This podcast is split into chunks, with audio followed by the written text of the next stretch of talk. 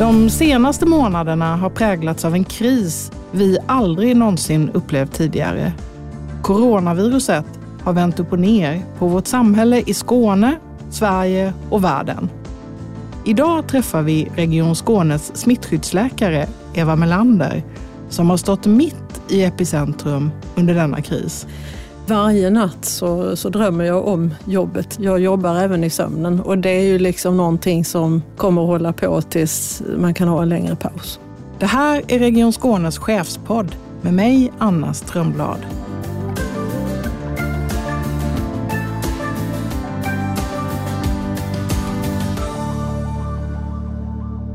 Välkommen Eva Melander. Tack så mycket. Hur är läget idag? Det är okej. Jag är trött men eh, samtidigt på hugget. Du har ju varit Region Skånes smittskyddsläkare i tre och ett halvt år. Jag föreställer mig att om man är smittskyddsläkare så ägnar man väldigt mycket tid åt att förbereda sig inför en pandemi. Men det är rätt sällan som man hamnar mitt i en. Nu blev det så för dig under ditt pass som smittskyddsläkare. Hur, hur har det varit den här våren? Ja, det har ju varit en händelse som man har gått och väntat på om den, om den skulle hända eh, i ens just yrkesliv som du säger, eller om man bara skulle gå och förbereda sig för den. Och på något sätt, någonting förväntar jag mig skulle så att säga passera. Men eh, att det skulle bli någonting i den här kalibern har nog, hade varken jag eller tror jag någon av mina kollegor räknat med riktigt. Är det något som du har sett fram emot eller något som du har sett med fasa inför? Både och kan man väl säga egentligen, för att på något sätt eh, så är det ju det vi jobbar för också, att kunna hur ska jag säga, verkligen eh, testa vår eh, kompetens och kapacitet för och att få jobba med den utmaningen som detta ändå är. För det är ju också samtidigt som det är fruktansvärt jobbigt och ansträngande så är det också väldigt spännande. Om man jämför med en vanlig dag på jobbet som smittskyddsläkare, går det att jämföra eh, hur en dag har varit nu den här våren?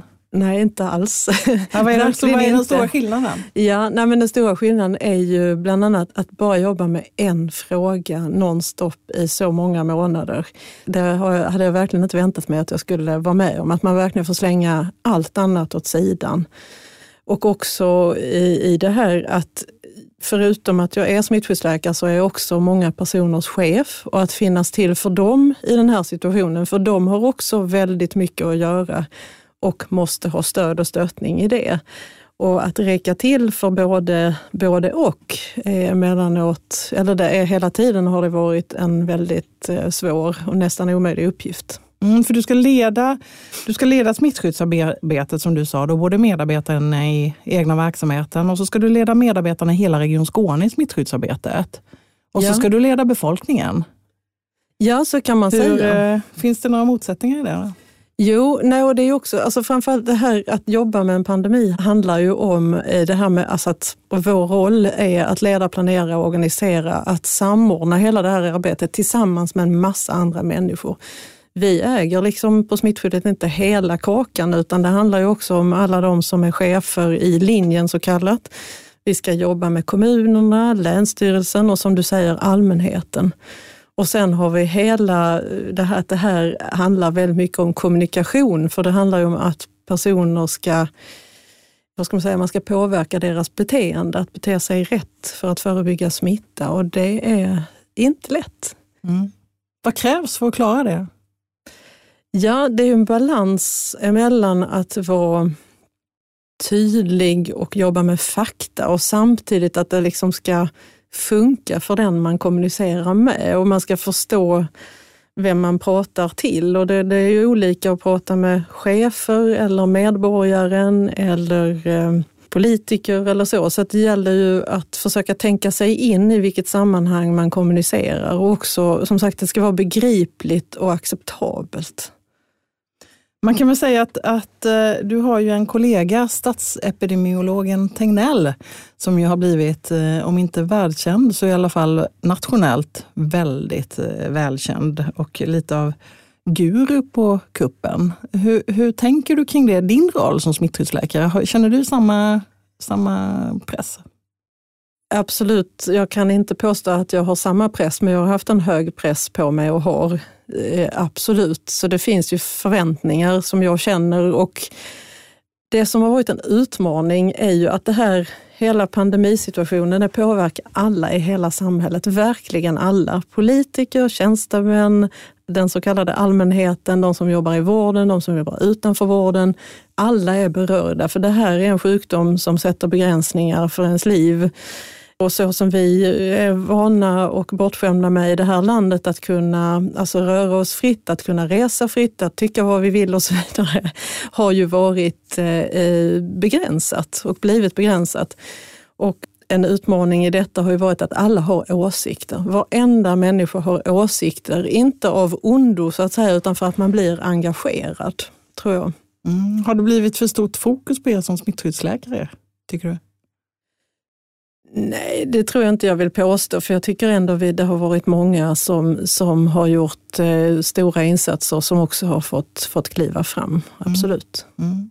För du har ju flera roller dessutom. Förutom att du är då Region Skånes smittskyddsläkare så är du också ordförande för smittskyddsläkarna i hela Sverige. I, i, eh, så du är smittskyddsläkarnas smittskyddsläkare kan man säga.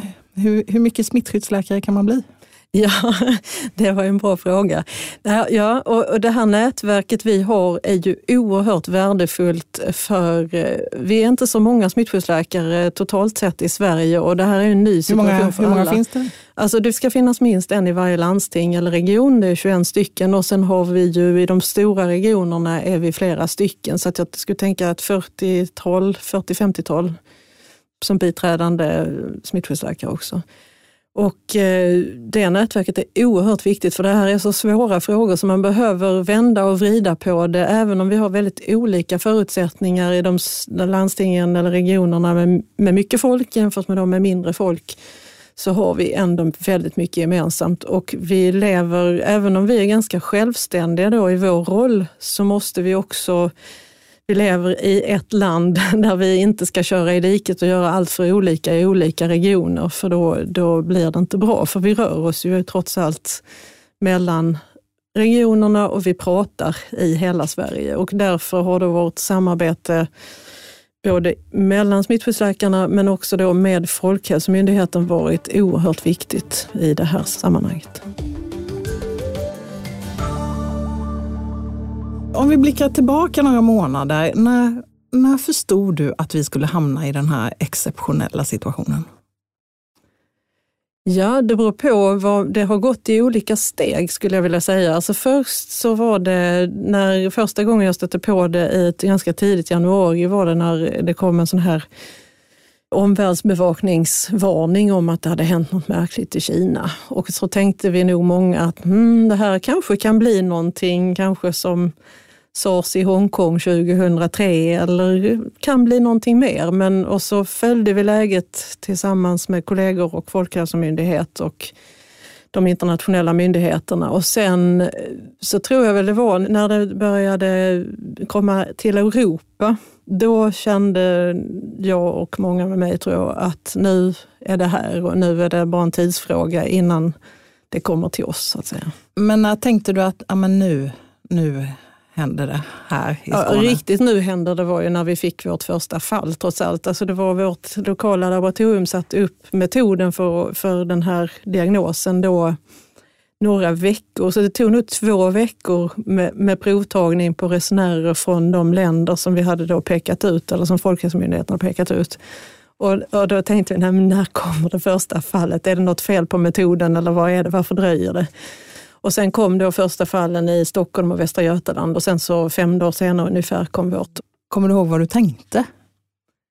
inte exakt, med, alltså, men liksom, nu är det här och nu måste vi sätta tänderna i detta. Och det kommer bli väldigt mycket, framförallt kommunikation. Det här kommer vara oerhört stort.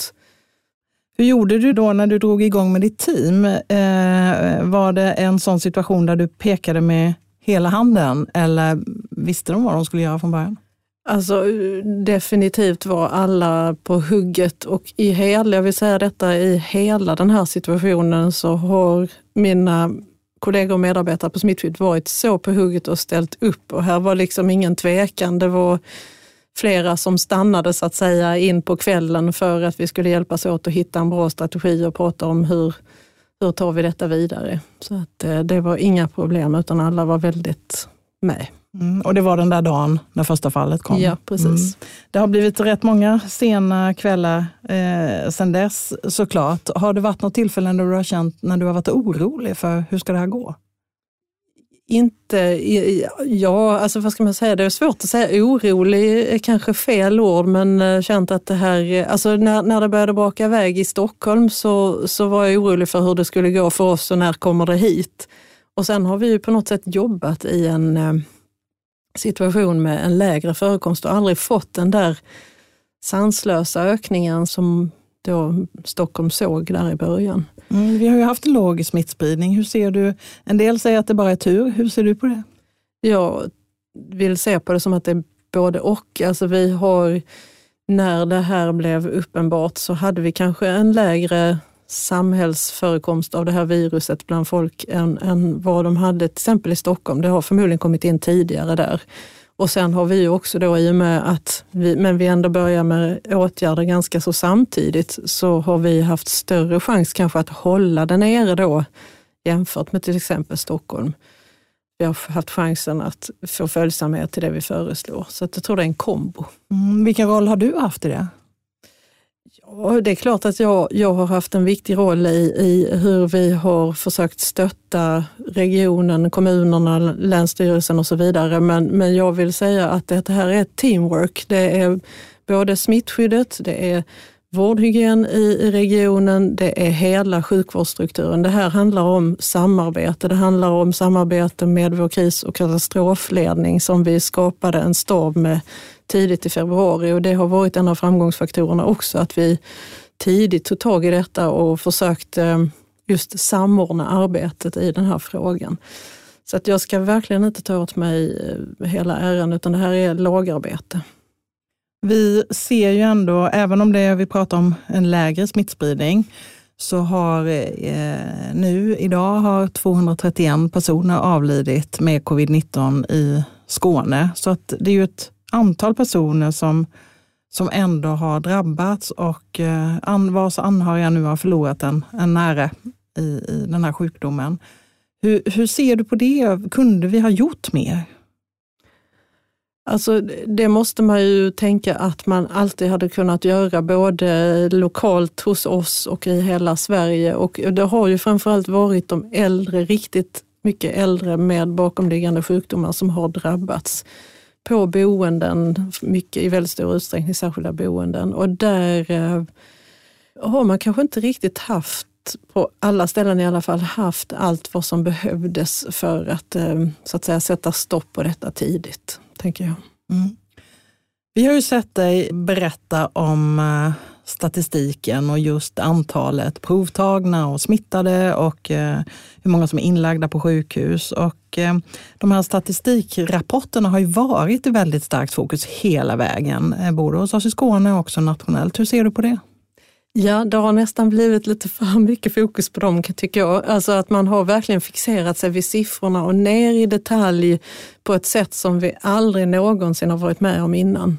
Det har aldrig varit någon som har varit så intresserad av våra siffror förut kan man säga. Fast oavsett du, fast du, du, har brukat jobba med dem, eller hur? Jo, mm. precis. precis. Nej, men, så att, att, men, men denna, det har blivit ett överdrivet fokus på siffrorna och ett överdriven också tro på att man ska kunna förutspå vad som händer sen.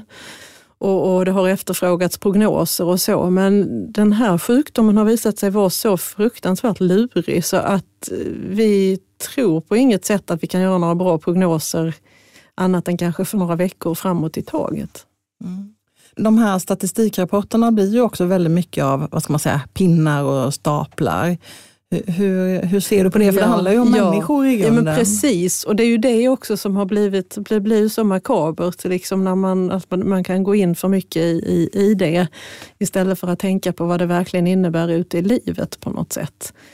Och det, det, handlar ju också om alla våra åtgärder överhuvudtaget. Alltså det vi, och det jobbar man med i smittskyddet generellt i Sverige, det här tänket att de åtgärder vi föreslår måste stå i proportion till vad det orsakar i andra änden för de personerna vi då sätter restriktioner för till exempel.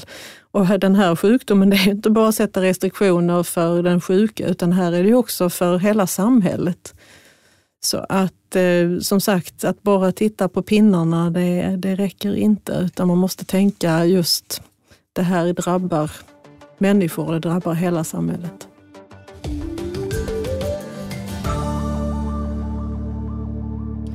Hela organisationen kan man säga, eh, Region Skåne har, har ställt om och i princip så har ju alla chefer fått eh, hantera förändringar tillsammans med sina medarbetare i det här.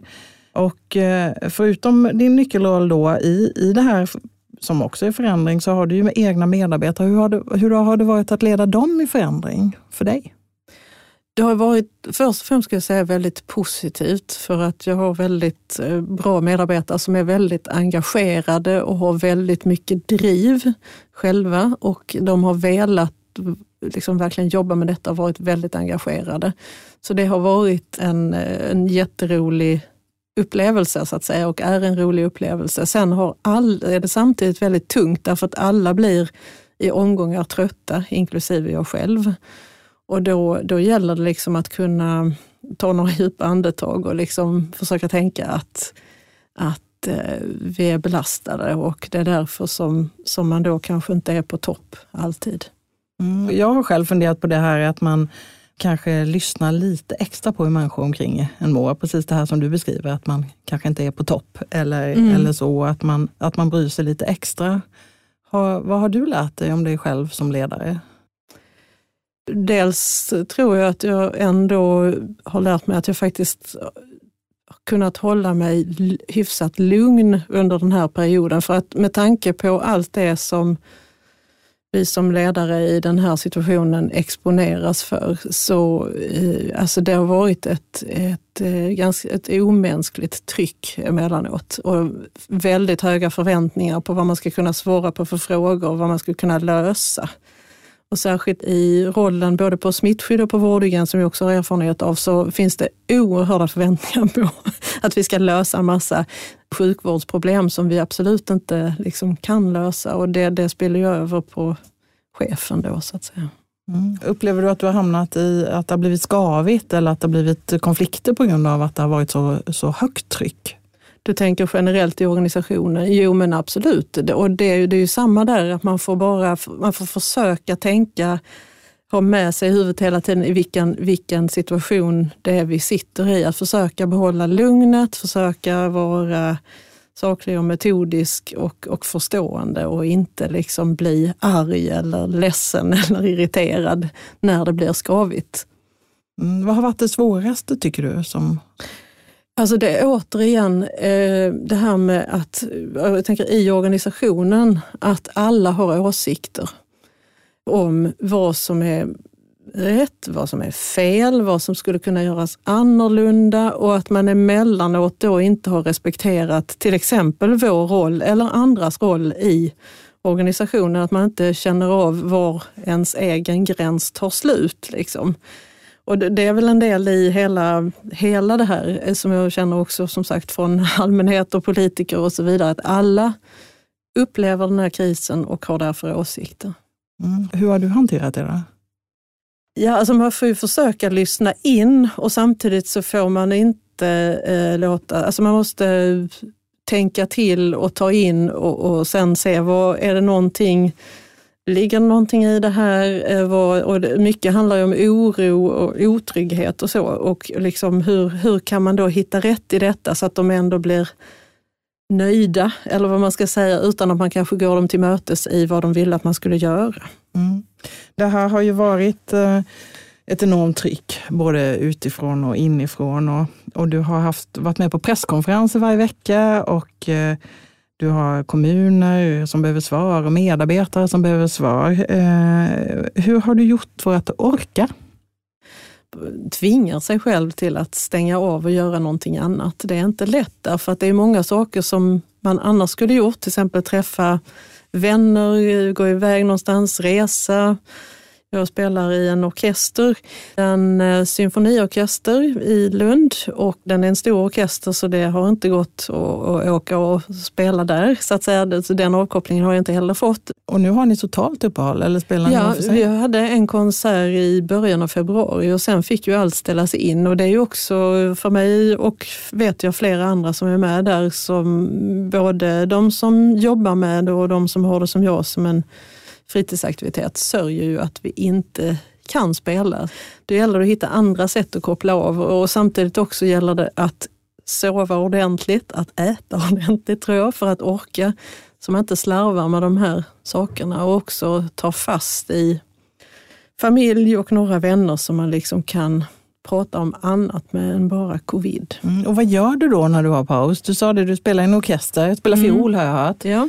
Men spelar du själv då när du har paus? Eller vad gör du när du, Ja. när du tar paus? Jo, eh, förutom att umgås med familjen så läser jag böcker, jag är lite i trädgården, försöker gå promenader och röra på mig, cykla ute i skogen, alltså försöka insupa någonting annat än, än jobb. Men det har varit jättesvårt.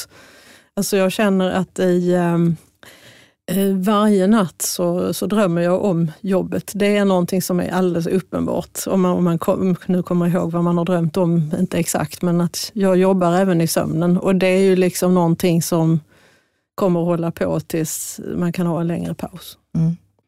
Vad tänker du om stödet till dig? Vilket stöd känner du har varit viktigast under den här tiden?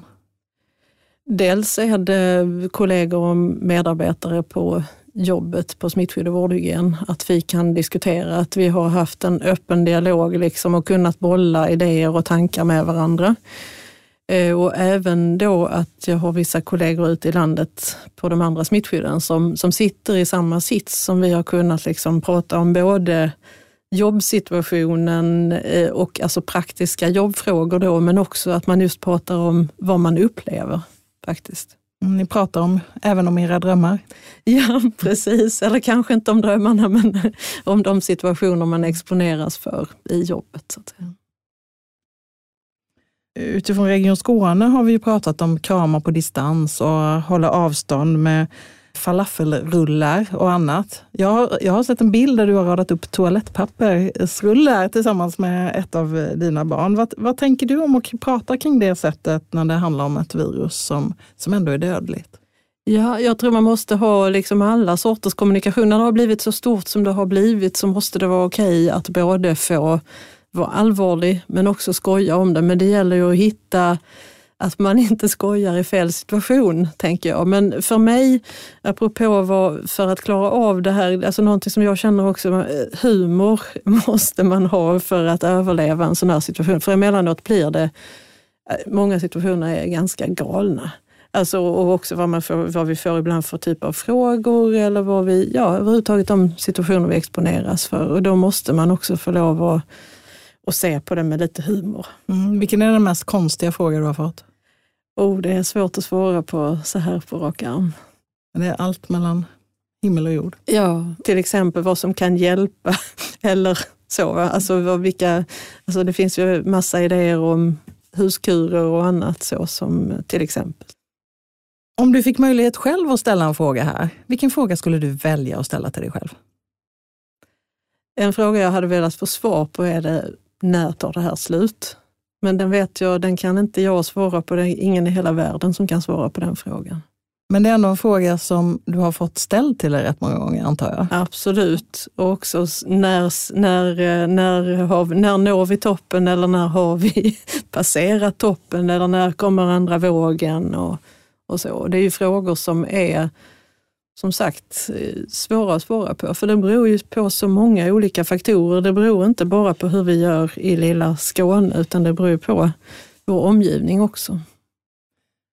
Om du nu fick chansen att säga något till dig själv som ledare i början av krisen, så här nu när du har, vi har varit igenom den här våren, vad skulle det vara? Har du något gott råd? Alltså det är svårt att säga en sak, men det, det är väl det här att behålla lugnet, samverka. Man gör inte detta själv så att säga, utan det här behövs en eh, ständig samverkan och samordning i organisationen för att klara detta. Tack Eva Melander för att du ville vara med i den här podden. Tack så mycket.